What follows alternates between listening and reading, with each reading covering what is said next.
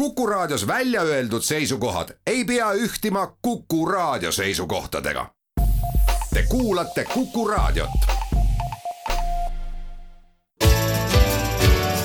keskpäevatund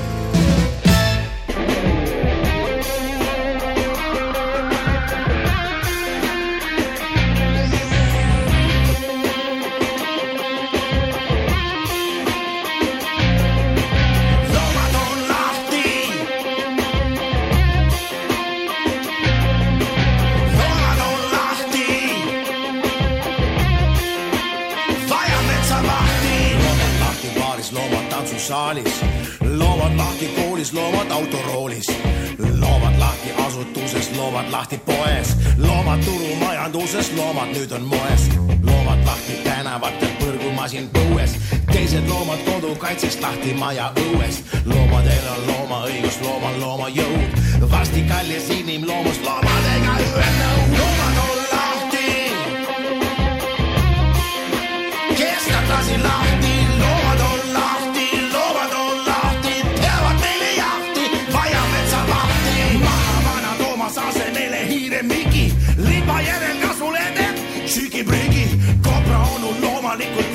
su hambaid,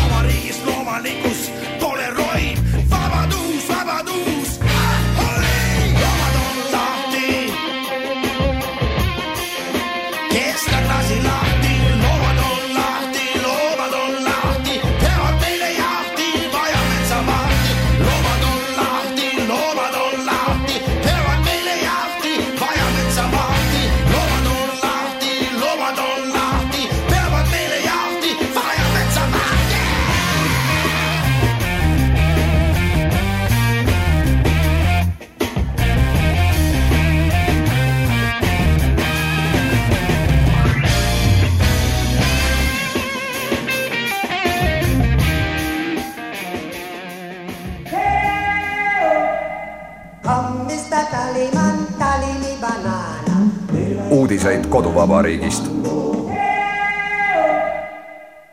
tere, siin Kuku raadio Keskpäevatund Tallinna stuudios Ainar Ruussaar, Marek Strandberg ja Priit Hõbemägi. Meile laulis Kompromiss Blue ja selle laulu nimi on Loomad on lahti ja tegelikult maailmas ongi selline olukord, et loomad on lahti, loomad on lahti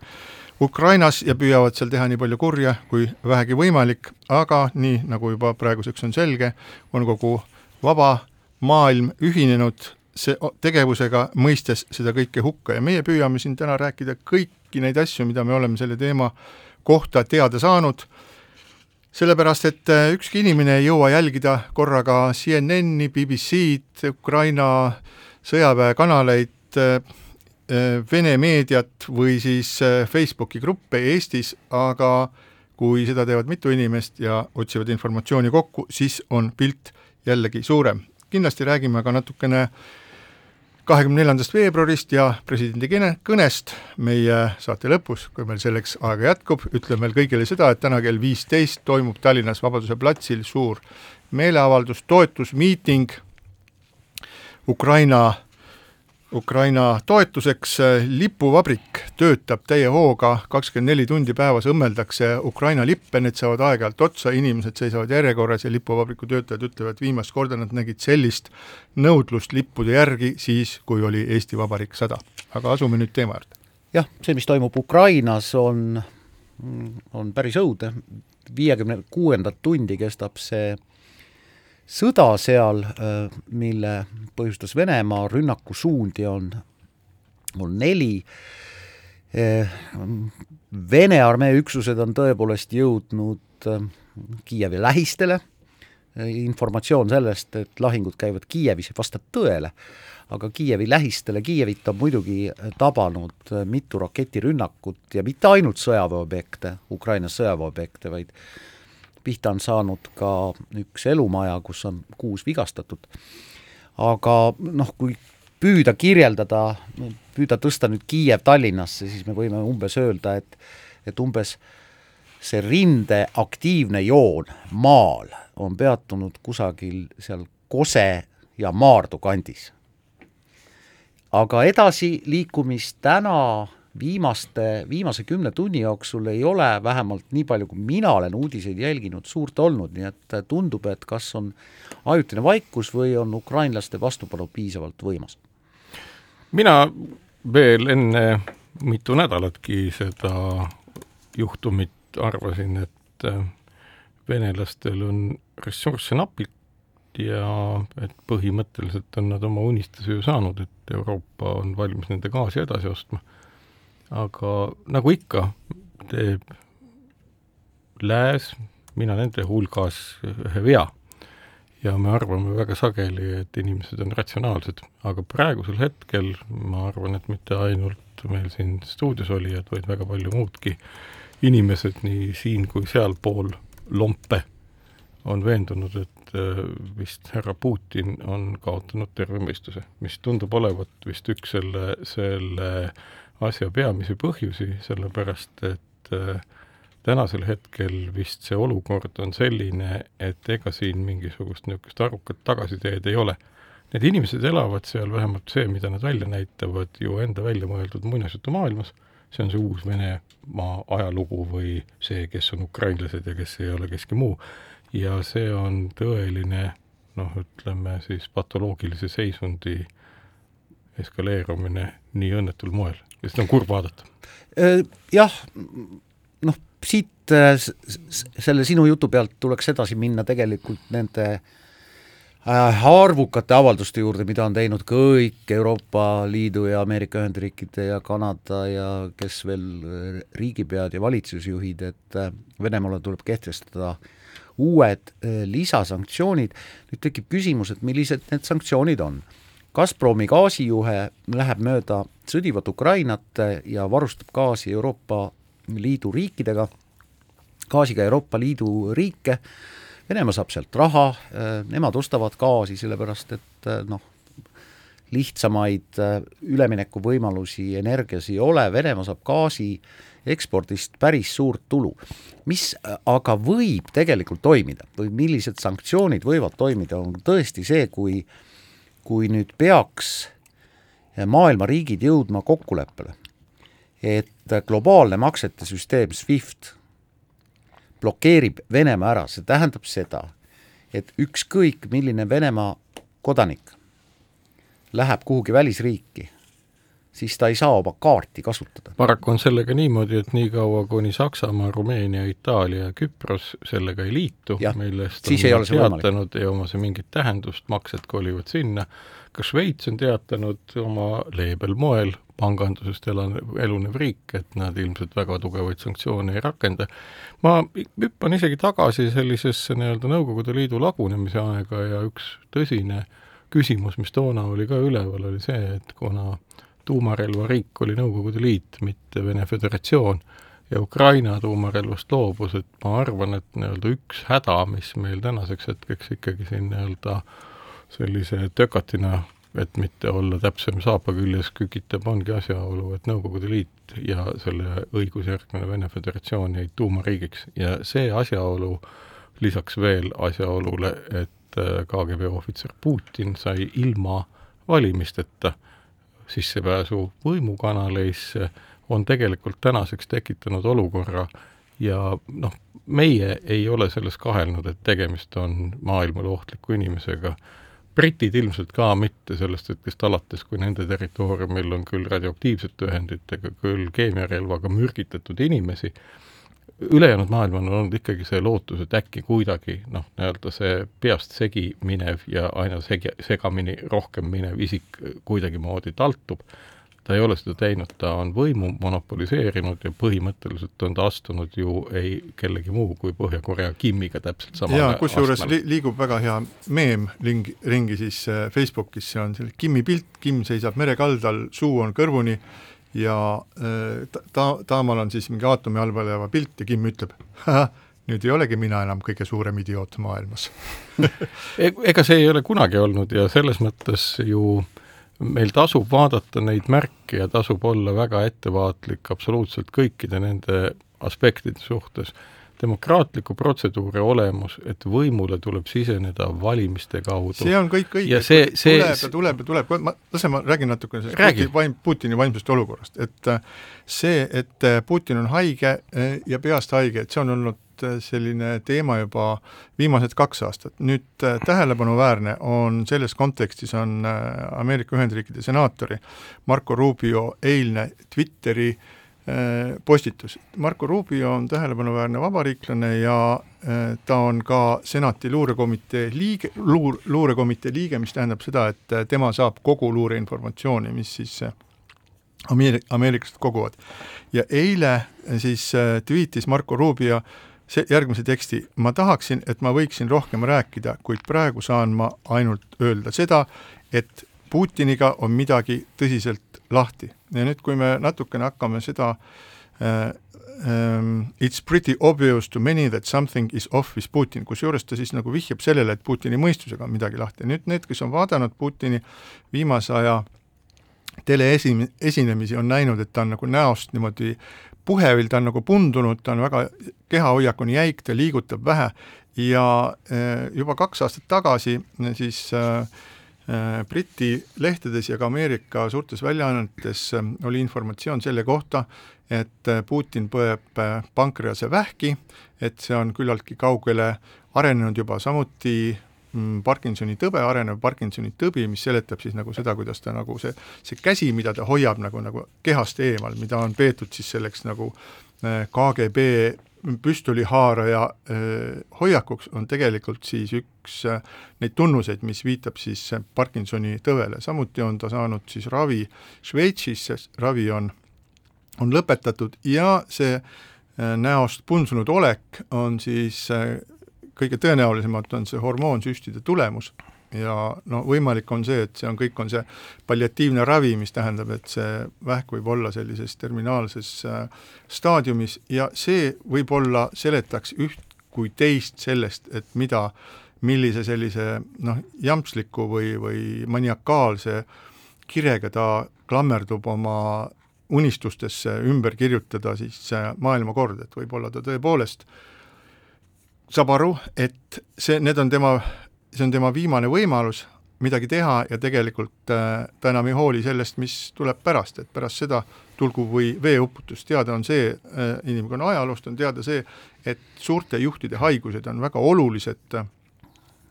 faktorid nende otsuste langetamisel, nii on olnud see ka Eestis, nii on olnud see Napoleoniga, nii on see olnud paljude teistega, et inimesed, kes on pidevas füüsilises piinas, muutuvad väga kannatamatuks, kärsituks ja teevad otsuseid, mida nad nii-öelda terve terve tervise juures olles ei teeks. jah, äh, mis muidugi selle Ukraina sõjaga minus lõplikult purunes, oli see, et noh, ma justkui nagu ikkagi püüdsin kogu aeg mitte uskuda seda, et Putinil on selline ainuvõim, et ma ikkagi püüdsin nagu mõelda, et Kremlis on ju väga palju haritud, väga kuulsate ülikoolide diplomeid omavaid nõunikke mm peaksid nagu nõu andma või ütlema, et Vladimir Vladimirovitš, ärge tehke seda, ärme tee seda selliselt, ärme tee seda niimoodi. ja, ja vot nüüd see minu naivism, ma ei ole enam noor mees, see minu naivism purunes noh, ega see jääbki purunema, sellepärast et ilma sellise naivismita või usuta mõistusse ei olegi võimalik elada, muutud niisuguseks paranoiliseks tegelaseks. ma arvan, et kõige rohkem sünkroniseerub sellega, mis praegu Kremlis toimub, enam-vähem see, mis selles Briti no ütleme, nagu selles omapärases filmis, mille nimi on Stalini surm, on kajastatud. noh, võib-olla me näeme varsti midagi samasugust, et et, et kui siis juht kõrvaldub või kõrvaldatakse, et mis siis toimuma hakkab, aga tõepoolest, ega meil ei maksa kahelda, absurd on inimkonna olemuse paratamatu osa ja see, mis me näeme, sõjategevus, mis on üsna jäle, kus inimesed ju, kui vaadata ka intervjuusid, mida on tehtud nende samade sõjavangidega, kes on siis nii-öelda jäänud Ukraina vägede kätte vangi, need inimesed teatavad, et nad ei teadnud, kuhu nad lähevad, nad olid üllat-, teatud, et nad sattunud Ukrainasse, no mis võib olla täielik plära, eks ole, me ei tea seda, aga on näha, et need inimesed on hirmul. Nad on täiesti selgelt nii-öelda kaoses ja me ei oska ju öelda, eks ole, seal on mingisugune sada üheksakümmend või kakssada tuhat inimest on sinna nii-öelda piiridele aetud, me isegi ei tea, kes need esimesed on, kes siia tulevad või Ukrainasse tulevad, et seal võib täiesti olla niimoodi, et võib-olla seal kuskil järgmistes lainetes nii-öelda, keda saadetakse Ukrainasse, on mingisugused muu plaaniga inimesed, aga igal juhul see nii-öelda tegevus, ulatuslik sõjategevus, noh, mis isegi ei varja seda, et see sõjategevus on suunatud äh, riigivõimu väljavahetamisel. ja, ja muidugi. ehk et mitte riigivõim ei vahetata välja ja see ei kutsu sõjaväge appi Venemaalt, vaid see on otseselt nagu selline toiming, see on ikka väga jõhker. ma olen äh, jälginud erinevaid Ukraina kanaleid ja just need, need kohad, kus saab väga palju kiiret informatsiooni, on Ukraina erinevate väeliikide Facebooki lehed, kus on üleval värsked fotod, kus on üleval värsked videod, mis on siis toimunud, äh, millised purustused on, mida on suutnud korda saata Ukraina äh, sõjavägi ja nüüd äh, vaadates tõepoolest neid samu vangi võetud poisikesi, kelle silmad on läbipaistva kleep, laial kleeplindiga kinni, seotud ilmselt selleks, et sa siis nagu valguse suunda tajuksid, aga et nad ei näe mitte midagi selle tagant. Ja nende sellist mannetut pobinat, et kuidas nad ei teadnud, kuhu nad tulid ja nii edasi, siis äh, muidugi kuskil on võimalik ka see, et nad äh, räägivad mingisugust komandöride poolt neile ette antud punkti, aga tegelikult sellises olukorras, kus kus siis tõenäoliselt on poistel juba ammu püksid täis tehtud, sellepärast et kui te, kui vaadata neid videoid, siis kui on üks niisugune nagu ma ei tea, umbes seitsmeteistaastane õnnetu nagu kõhnakaelaga nooruk ja tema ümber on kümme sellist no, kaheksateist ikka. jah, kaheksateist, kümme täisjõus suurt tulivihast äh, ukrainlast, kes sõimavad vene keeles teda nii, nagu nad vähegi suudavad, siis noh, et seal on tõesti selline hetk, kus äh, surm on silma ees, aga nüüd ma mõtlesin natuke, kaugemale, et mina olen ju ka käinud äh,, olnud Nõukogude, Nõukogude armeesse võetud ja teeninud Siberis ja, ja seal Siberis äh, oli nii, et selle polguga, kus ma olin, ma olin äh, sidetöötaja, telegrafist, sõitsime ringi siis õppustel äh, mööda Lääne-Siberit äh,, Altais, Altai mägedes kuni Tuvasse välja, ka talvel umbes neljakümne, kolmekümne, neljakümne kraadiliste miinu-, miinusega. Ja siis ma mäletan väga hästi, et kuidas siis äh, sõitis väeosa metsa, täiesti puutumatusse metsa siis sõdurid hakkasid lund laiali rookima, siis äh, tehti, pandi mingisugused kaablid üles ja siis pandi püsti telgid, kus oli kahekümne nelja inimese presendis telgid, mida küttis siis selline äh, buržuika, mis töötas siis mitte diiselkütusega, ahi, olgu öeldud. mis töötas siis selle niinimetatud solaarõliga. ja siis äh, mõnikord tuli nädal aega viibida sellis- ja, ja, ja see on see, kus on, sul on külm, seda soojaks ei saa, sa oled, see maa on muld, sa oled äh, pidevalt märg, su riided ei kuiva ära, sa oled pidevas stressis. Ja nüüd kujutage endale ette, et need, kuidas need äh, tankistid või kes iganes seal praegu ringi liiguvad, Vene omad, kui nad, nad on käinud kuskil nagu äh, sooritanud mingi rünnaku, siis nad on näinud, kuidas nende äh, kaaslaste tankid on põlema lastud, kuidas kaaslased on välja hüpanud ja põlenud sööks sealsamas asfaldil, siis neil on õnnestunud sealt kuidagi jalge lasta, nüüd nad lähevad tagasi sellesse väeossa, nad lähevad sellesse neetud telki, kus nad on elanud juba kuude kaupa. ja siis nad peavad omavahel rääkima sellest, mida nad nägid, nad ei saa, sest nad peavad ennast nagu debrief ima, inimene läheb muidu lolliks. ja nad teavad, et järgmine varahommik pimedas nad istuvad sellesse rauast kobakasse ja sõidavad sinna, kus nende sõbrad elusalt ära põlesid ja minu meelest see on selline nagu psühholoogiline surve, et kui inimesed seal nagu lolliks lähevad, ma ei imesta. praegu on enam-vähem sama olukord nagu siiski, kui Nõukogude väed tungisid Afganistani ja siis läks ikka päris pikka aega, ennem kui senaator Wilsonil õnnestus selgeks teha, et need, keda toetada tuleb, on mujahedid, noh, see oli tõsine probleem, aga miljardite eest, mida Ühendriigid eraldasid, osteti nende jaoks suur hulk õhutõrjevahendeid ja lõpuks venelased sealt välja läksidki. praegu on olukord venelaste jaoks palju kehvem, sellepärast et maailmal on palju lihtsam kokku leppida selles osas, et hakataksegi pakkuma ulatuslikku sõjaväelist varustust, mida on juba kuulda, need miljardid on päris märkimisväärsed, ja tegelikult nii-öelda see, mida kahjuks me enda ees nägema hakkame, ongi et seesama lugu, et jah, ega keegi otseselt ei tule ju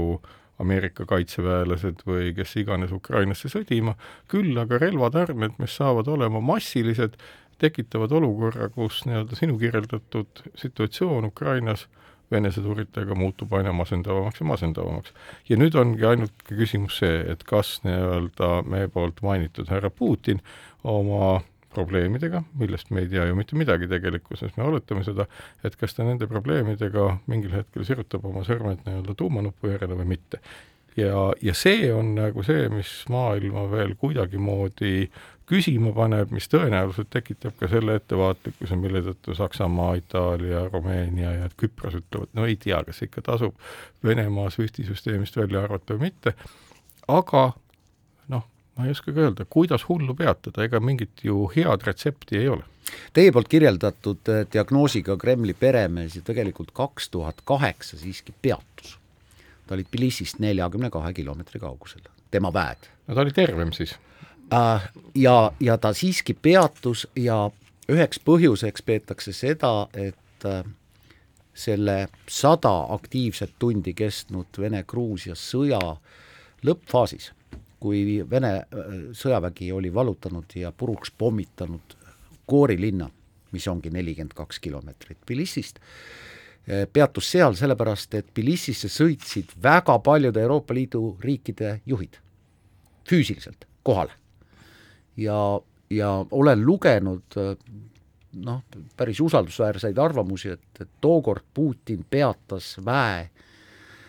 sissesaatmised Tbilisisse just nimelt sellepärast, et seal olid kohal Euroopa Liidu riikide juhid, ehk siis ta ei tahtnud äh, olukorra eskaleerumist. nüüd kui vaadata veel, äh, mida see Ukraina sõda, mis on kestnud viiskümmend kuus tundi, on kaasa toonud, siis äh, noh, meie jaoks on võib-olla üks väheseid häid uudiseid see, et Ameerika Ühendriikide presidendi korraldusega saadetakse Balti riikidesse kaheksasada Ameerika sõdurit lisaks ja kakskümmend Apache äh, ründekopterit, mis on tõsine relv ehk siis äh, noh, ma usun, et meie praegu ikkagi pigem, ma olen ikka optimist, võiksime olla, olla, olla optimistid ja, ja uskuda oma julgeolekusse. paistab, et, paistab, et asjad hakkavad mingis mõttes ka, ka pöörduma, et täna hommikune võib-olla umbes tund aega tagasi tuli teade sellest, et brittide juhtimisel on siis moodustatud kahekümne seitsmest riigist koalitsioon, kes on nõustunud siis andma sõjalist abi Ukrainale. See, sealhulgas ka need, kes seda varem ei ole tahtnud teha, mis on väga oluline ja, ja samuti umbes poole tunni eest tuli teade, et et Joe Biden on, on äh, alla kirjutanud kuuesaja miljoni dollarilise relvasaadetise ja arutatakse ka see on siis kiirekorraline, see on, see on lisaks sellele kuuele poolele miljardile, millest Kongress teada on andnud. just nimelt jah, et noh, tegelikult äh, võiks arvata umbes niimoodi, et äh, üks päev sõda ukrainlastele läheb maksma kuskil üks kuni kaks miljonit dollarit relv, relvastuse, relvastuse näol. ja paistab, mina ise äh, prognoosiksin nagu seda, et vaadates seda, et ÜRO Julgeolekunõukogus Hiina ja India jäid neutraalseks ja Venemaa pani veto siis Venemaa tegevust äh, siis kritiseerivale või öö, otsusele, et seda, et Hiina toetab ja seda, et India toetab, India saab seitsekümmend protsenti oma relvastusest Venemaa käest, et see on tõenäoliselt venelastele väga suur löök. et neil on tõesti võib-olla mõni Okeaania väikeriik ja Kim ja, ja Kim, kes on sõpradena jäänud ja ma arvan, et Euroopas see areng, mis nüüd toimub, et kui juba sellised kahekümne seitsme riigi koalitsioonid nagu moodustatakse, see on üks asi, mida on siiamaani öeldud, et on vaja koalitsiooni. ja, ja hakat-, hakkavad nii, ka riigijuhid hakkavad vaatama, äkki pole mina see, keda hakatakse pärast süüdistama, et ma mökutasin ja kõik need ja äh, Briti peaminister Johnson, kes on olnud äärmiselt aktiivne, ja Johnson ütleb, et aga sina, Macron näiteks, mida sa jokutasid sel ajal, kui meie nagu tegime asja juba ära. ja, ja kui selline asi nagu läheb käima, siis tekib nagu teine selline nagu laine, mis ütleb, et ja, ja ei, juba enesesäilitusinstinkt ütleb, ei, ma pean ka midagi tegema, ma pean ka midagi saatma. sellepärast, et mitte jääda nende hulka, kellest pärast hakatakse saatma, nad kelle kohta pärast hakatakse öelda, nemad olid need, kes viivitasid viimase hetkeni, võib-olla ootasid, Putin võidab. Ja nüüd kohal väik- ja nüüd siinkohal väike paus. keskpäevatund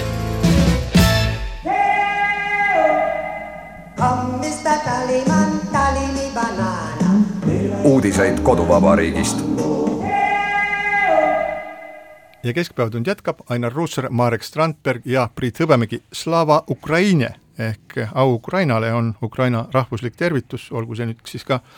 Kuku raadio eetris välja öeldud. Ja räägime nüüd sellest, et kas Venemaal endas, Venemaas endas on mingisugust lootust selle poole, et äh, kohalik äh, ametnikkond, inimesed või sõjavägi hakkaksid äh, kahtlema selles liinis ja selles räiges rünnakus, mida Putin on ette võtnud, sellepärast et noh, me ju teame selgelt seda, et sellised inimesed nagu välisminister Lavrov ja Kremli teavitaja Dmitri Peskov, nad on märgitud, nad teavad väga hästi, et nemad surevad koos äh, Putiniga ja neil ei ole mitte mingit tagasiteed mitte kuhugi. Ja selles mõttes võib arvata, et nende selg on vastu seina, Moskva pisarad ei usu ja nad äh, jätkavad viimase hetkeni, aga kui ma mõtlen kõikide nende sadade tuhandete, võib-olla miljonite äh, kõrgema ja ka keskmise tasemega ametnike peale, kelle peades hakkab nüüd eile õhtul kui nad sõid Porsche'i kodus, hakkas tiksuma mõte, aga pagan võtaks, kui siiski see läheb kõik pekki ja mina olen olnud selle kõige poolt ja üleüldse siin toimub mingi suur muudatus, mis minuga siis saab, kas mul on märk küljes elu lõpuni? ma arvan, et siin on üks tõsine asi, on see, et kuna propagandasüsteemid ja see, kuidas kollektiivselt aju pesta suudetakse, on ju teadaolevalt väga efektiivne tehnoloogia. Ükskõik millises maailmapunktis, Venemaal eriti, siis see usk omaenda välja mõeldud maailma ja sellesse, noh, ma arvan, et ka sellesse usk, et tõepoolest kogu Venemaa toetab ja Putin on väga populaarne, et nad ise on moodustanud, noh, mida räägitakse ju sotsiaalmeedia puhul, et inimesed teevad kõlakoja,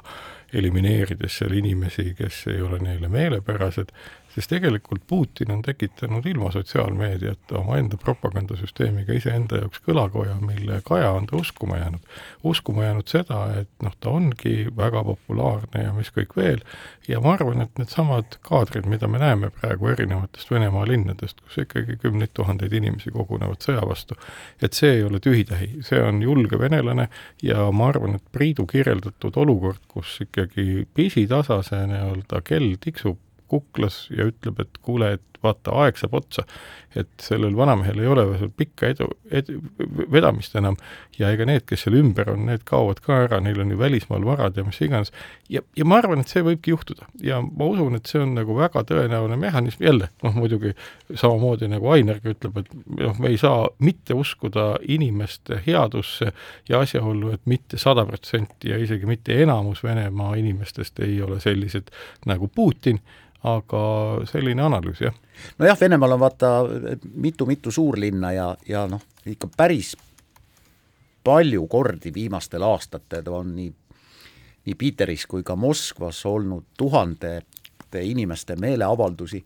jah, paljudel neist on käed raudu pandud, paljud neist on politsei käest saanud jalaga, paljud neist on pandud kaheks või kolmeks ööpäevaks äh, äh, kartsa kinni, aga need protestid on, on olemas, mida, millele mina praegu hakkasin mõtlema, on see, et et Venemaal on ju eraettevõtlus ja väga paljud eraettevõtjad tahes-tahtmata peavad tegema oma äri või teenima raha kuidagi niimoodi, et nad on seotud noh, teiste Euroopa riikidega. no kaubavahetus, kaubavahetus kauba on aluseks ikkagi majandusel. kõik ei ole Gazpromid või riigiettevõtted, eks ja, ja sealt võib tulla see hoop. Ja teine, mida ma tahan raadiokuulajatele meenutada, on see, et olen jälginud äh, sõltumatu keskuse Levada populaarsusuuringuid, millest äh, regulaarselt tuleb välja ka Putini populaarsus. Levada on üldiselt usaldusväärne äh, uurimiskeskus, minu teada selle omanikud elavad igaks juhuks Ameerikas, aga nad teevad küsitlusi Venemaal ja viimast populaarsusuuringut tõepoolest, mis nüüd näitaks mingisuguseid trende selle viiskümmend kuus tundi kestnud Ukraina sõja ajal ei ole, aga äh, kaks tuhat neliteist oli Putini populaarsus üks madalamaid, viiskümmend neli protsenti. ja mis juhtus Putini populaarsusega Levada uuringu kohaselt pärast seda, kui Venemaa annekteeris Krimmi? Nii, räägi. see oli kaheksakümmend kuus. jaa, see kasvas, aga lihtsalt küsimus ongi nagu selles, et noh, need müüdid olid, mida tookord venelastele müüdi, olid võib-olla usaldusväärsed, nagu, nagu tänane müüt, mida on müüdud, et see on nagu nii üle vindi, see on nagu noh, ma kujutan ette, et, et äh, J.K. Rowling kahvatab oma, oma, oma äh, sigatüüka juttudega ja müstiliste loomadega selle kõrval äh, mida on, mida on kokku kirjutanud ja kokku rääkinud nagu Putin. ja see on nagu nende hariduse osa ja see nagu põhimõtteliselt sa võid ju öelda, et meil on mingi oma ajalugu, mingi Vene oma ajalugu, aga see on nagu noh, õnneks ka Teise maailmasõja ajal natsid läksid alt sellega, et nad ütlesid, et neil on mingi saksa füüsika, mis erineb oluliselt muu maailma füüsikast ja milles ei ole juudi füüsikat üldsegi mitte. aga, aga tulemuseks oli see, et neil õnneks pommi ei olnud ja ma arvan, et nii-öelda see Putini ja kaaskonna ajaloo käsitlusega läheb täpselt samamoodi ja nii-öelda sõda Ukrainas ei ole enam tänasel hetkel nende pea kuuekümne tunni möödudes selle algusest enam võimalik vaadata kui mingit võidukat sõda, seda ei ole võimalik tõlgendada sellisel moel. maailm on oluliselt avatum kui Tšetšeenia sõja ajal, kus sai nii-öelda meediat manipuleerida, täna seda enam ei saa ja venelastel on asjad kättesaadavad. jah, ma olen täiesti nõus sellega ja, ja kindlasti on väga oluline ka see, et mida teeb ülejäänud maailm näiteks, et kui nüüd Eesti kavatseb plaanib sulgeda oma õhuruumi Vene lennukitele, kui sellega kavatsevad äh, ühineda ka teised riigid ja nüüd Poola, Tšehhi näiteks. jah, ja nüüd te kujutate endale ette, et äh, selline riik nagu Venemaa, et tal puudub lennuühendus, ta muidugi lennata võib siin Sise-Mongooliasse, lennak-, lennata võib Kasahstani, aga kas tegelikult sinna on ju väga vaja lennata neil. et äh, see lennuühenduste katkestamine on nagu minu meelest väga suur asi, nüüd vaadata, kuidas siis millised nii-öelda koordineerimata või isetekkelisi sanktsioone igal pool maailmas pidevalt kerkib ja minu meelest see on nagu olulisem kui, kui need sanktsioonid, mis väga paljudele tunduvad äh, hambutud institutsionaalsed sanktsioonid, et ähm, see, kui neid, kui nad, kui need sanktsioonid sünnivad koha peal nagu nii-öelda spontaanselt, et see näitab seda, et see nagu see meem oma, omaks võetud, see mõtteviis on omaks võetud. Ja näiteks mida siis me oleme siin viimastel päevadel täheldanud, on seda, et äh, Venemaa on kaotanud vormel ühe, ta on kaotanud jalgpallivõistlused, ta on kaotanud äh, suusavõistlused, äh, välja visatud Eurovisioonilt, need on kõigest mõned, aga selge on see, et neid tuleb. Neid tuleb veel palju juurde ja selle põhjus on jälle seesama. Need, kes pole seda veel teinud, kardavad jääda saba lõppu, sest nende peal hakatakse näitama näpuga, näed, teie siin ootasite siis vist viimase hetkeni, kuni äkki Putin ikka võidab. ja siis äh, lihtsalt sellised äh, Äh, juhtumit näiteks, et äh, New Yorgis pidi esinema siis üks maailma tippdirigent äh, Gergijev, kes on siis Peterburi, Peterburist pärit dirigent,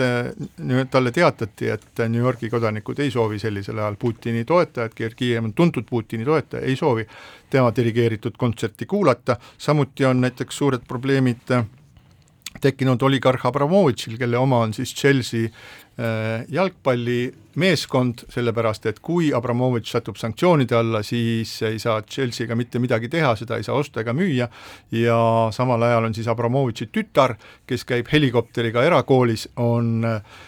pannud oma kontole üles Putini pildi, millele on punane rist peale tõmmatud, et, et tegelikult ühel hetkel, ma arvan, praegu on see kõhkluse hetk, kus ka suur osa nendest äh, oligarhidest, Timtšenkotest, Abramovitšitest eh, ja eh, Deripaskadest, kes praegu veel kuidagi su-, saavad kuidagi hakkama, et seda, see raha polsterdab neid ära. aga nad saavad aru, et kui kõik külmutatakse, nende varad, kui eh, metalli ostetakse mujalt, siis on nad ise ka külmutatud ja nad võivad tõepoolest kuskile osta endale mõne väikse ookeani riigi, ja seal elada, aga maailmas nad on paariad ja nende peale lihtsalt sülitatakse ja seal nende raha neid enam ei polsterda. no Abramovitš on muidugi juba, juba üle kümne aasta olnud äh, Putini kriitiline ja ei, ja ei ela Venemaal ja, ja ilmselt ei, ei saagi sinna minna või, või, või ei tahagi sinna minna aga äkki on seda vähe siiski, et ta on olnud natuke Putini kriitiline aga äh, tänasel tal... päeval on natuke Putini kriitiliseks olemisest tõesti vähe. jah noh, tal on Londonis terve linnaosa on tema oma, aga aga see selleks, aga tegelikult sellised sümbolid, ma arvan, et äh, ikkagi toimivad, et ma arvan, et neid inimesi, kes võib-olla kuu aega tagasi kehitasid õlgu, käisid äh, truult tööl, noh, on kuskil mingi Putin, noh, ei ole, palk tuleb, aga nende inimeste hulgas on kindlasti neid, kes on, löövad rusika lauale õhtul kodus Borsi kausi taga, ma tahan Eurovisiooni vaadata, vene laulu näha, ma tahan, et vene laul võidaks. ma tahan näha Vene jalgpallikoondist võitmas äh, rahvusvahelisi võistlusi. kurat, ja nüüd ma ei saa seda enam teha. ja, ja tegelikult ma usun, et see toimib, see toimib päris paljude nende inimeste puhul, kes võib-olla on seni olnud Venemaa elanikena ja seal tööl käivate inimestena noh, apaatsed, ükskõiksed, mida iganes ma ei alahindaks ka seda, et nendesamade võimukandjate, nii Putini kui muude lapsed ja lapselapsed on ikkagi väga oluline mõjutegur, aga siinkohal väike paus. keskpäevatund.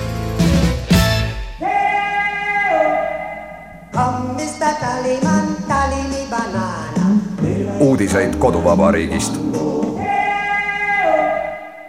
keskpäevatund jätkab, Ainar Ruussaar, Marek Strandberg ja Priit Hõbemägi, tuletame meelde, et kell kolm toimub Tallinnas Vabaduse platsil suur miiting Ukraina toetuseks, ostke endale Ukraina lipud ja minge sinna kohale ja hüüdke Slava Ukraini, aga meie räägime nüüd äh, natukene ka poliitikast, Eesti Vabariigis teatavasti Eesti Vabariigi peaminister Kaja Kallas, kes minu meelest on osutunud just nimelt kriisiaegadel väga heaks peaministriks, kes äh, suudab äh, väljendada selgelt, selgelt ja konkreetselt Eesti positsiooni nii siin riigi sees kui ka väljaspool, siis kutsus enda juurde kokku erinevate parlamendierakondade esindajad ja rääkis nendega sellest, et oleks vaja rahulikult mitte minna sisetülidesse mitte pisikeste asjade üle jageleda, see pisiasjade üle jagelemine on Venemaa hübriidsõja üks põhilisi relvi, neid konflikte tekitatakse ükskõik millest, kas või sellest, kellel on roheline auto või pruun auto, põhiline, et oleks sotsiaalmeedia abil võimalik tekitada erinevaid kildkondi ja siis viia see konflikt sotsiaalmeediast välja ühiskonda, aga meie räägime siin või mina pakuksin välja, et me võiksime rääkida natukene Keskerakonnast, sellel, sellest erakonnast, kellel on kehtiv protokoll ühtse Venemaaga, Putini võimuparteiga, mis praegu ründab Ukrainat. Ja huvitav on muuhulgas märkida seda, et väga paljud Eesti Vabariigi valitsuse liikmed, nagu näiteks Maris Lauri, Lauri, peaminister Kaja Kallas,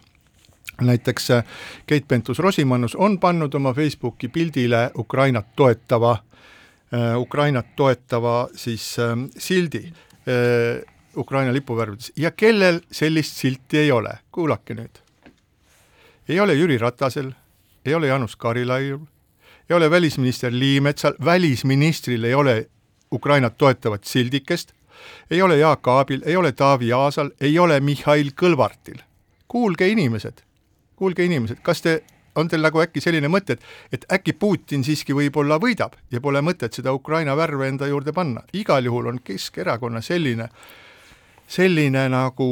püüd ennast kõrvale hoida täpsest nii-öelda kodaniku positsioonil nagu paikapanemisest selles nagu globaalses konfliktis on tähelepanuväärne ja see, et nad on koristanud ära oma Ühtse Venemaa protokolli koduleheküljelt, aga ei ole seda katkestanud, on veelgi kõnekam, minu meelest valijad peaksid seda väga hästi meeles pidama. Keskerakonna poliitik Karilaid on muidugi küll avalikult öelnud, et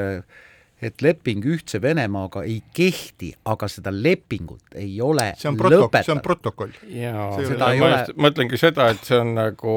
sama lugu, et kui doktor Faust käiks ringi ja räägiks, et tema meelest vist leping saatanaga ei kehti, et see on sama lugu, et Jüri Ratas kriiskab sellest kõikvõimalikes kanalites, see ei kehti, see ei kehti, lepingud on alati vähemalt kahepoolsed. ja teine pool ei ole selle kohta öelnud mitte tuhkagi. aega selleks, et nii-öelda see asi kehtetuks muuta, on olnud mõlemal poolel väga pikka aega, päringud, mis on tehtud tänasel hetkel Ühtsele Venemaale, ei ole siiamaani vastust andnud. ehk Ühtne Venemaa ei ütle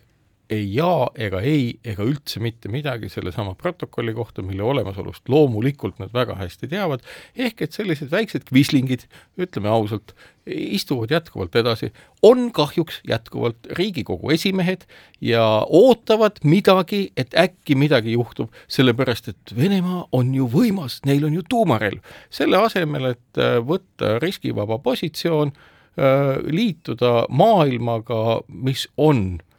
oluliselt suurem nii majanduslikus kui inimeste hulga mõttes. isegi suurem kui Lasnamäe valijaskond. isegi suurem kui Lasnamäe valijaskond, sellepärast et pange tähele, Venemaa majandus on umbes sama suur kui Hollandi oma.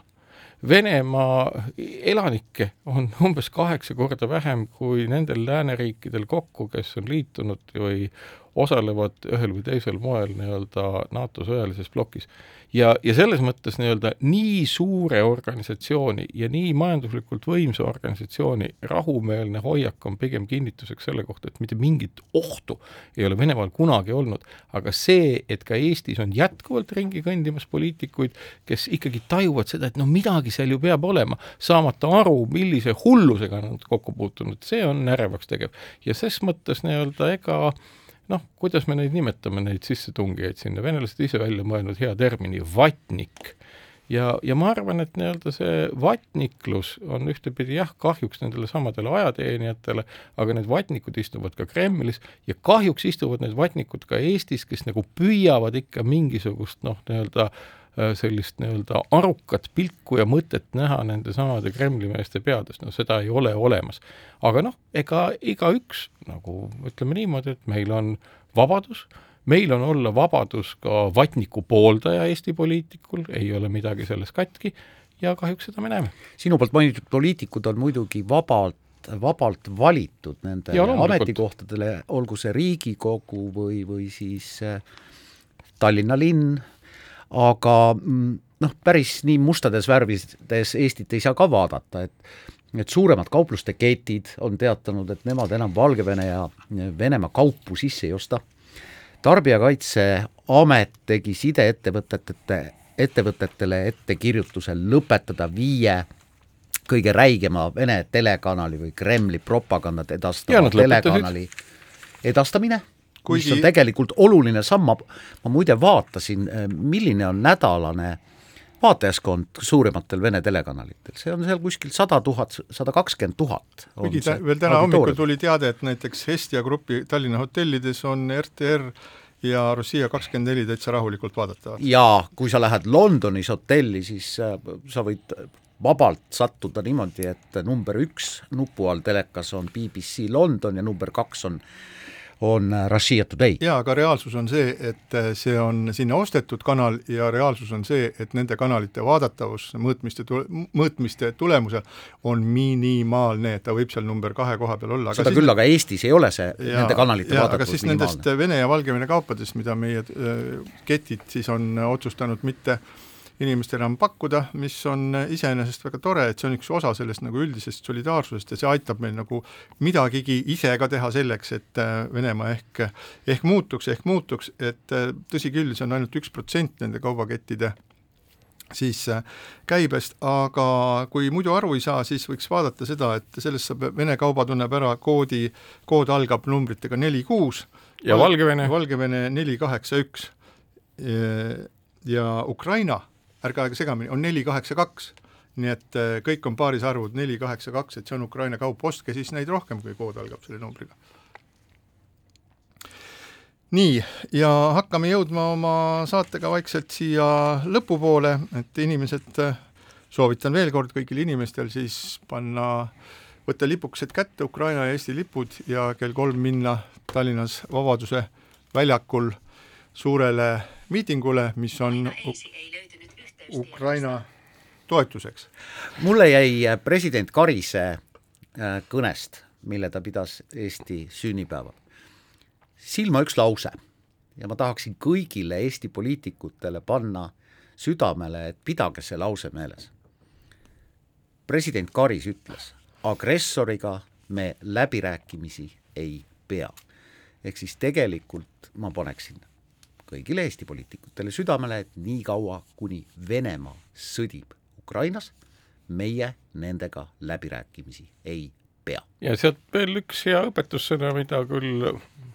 selgesõnaliselt president ei öelnud, aga mis ju järeldub või järeldub tegelikult oludest üldiselt, et me oleme täna olukorras, kus kiire ja nutikas relvastumine, täiuslike relvasüsteemide loomine on meile ülimalt möödapääsmatu. ja loomulikult me oleme keerulises olukorras ja meie lähinaabrid nagu Soome ja Rootsi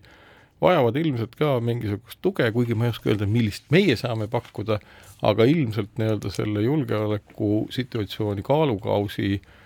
nihutamiseks suunas, mis Venemaad taanduma suunaks, on ikkagi seesama, mida nad kõige rohkem kardavad, et Soome ja Rootsi liituvad NATO-ga ja loota võiks, et see toimub tõepoolest nädalate jooksul, et sinna ei ole pikka venitamist, sellepärast et ma saan aru, et täna Rootsis ja Soomes inimesed on selle osas juba nagu sellise sisemise valiku teinud. see on ka selge, sellepärast et äh, Putini otsesed ähvardused äh, Soome suunal, et ärge julgege vaadata NATO poole või muidu noh, mis iseenesest äh, vanema põlve Soome poliitikut see paneks ilmselt põlve väristama, aga kõik uued poliitikud, kes seal on, vaevalt et põlve väristavad. jah, ma arvan, et äh, Soome president Sauli Niinistö on sel kohal väga õige mees ja ka need noored, ma ütleks, see ei ole šovinistlikult mõeldud, aga ma mõtlen, et äh, need noored naised, kes on peaministrid nagu Kaja Kallas ja Sanna Marin Soomes, on ennast kriisis tõestanud väga hästi, nad on väga selged, julged ja otse, otsesõna ja, räägivad asjadest nii, nagu need äh, päriselt, päriselt on.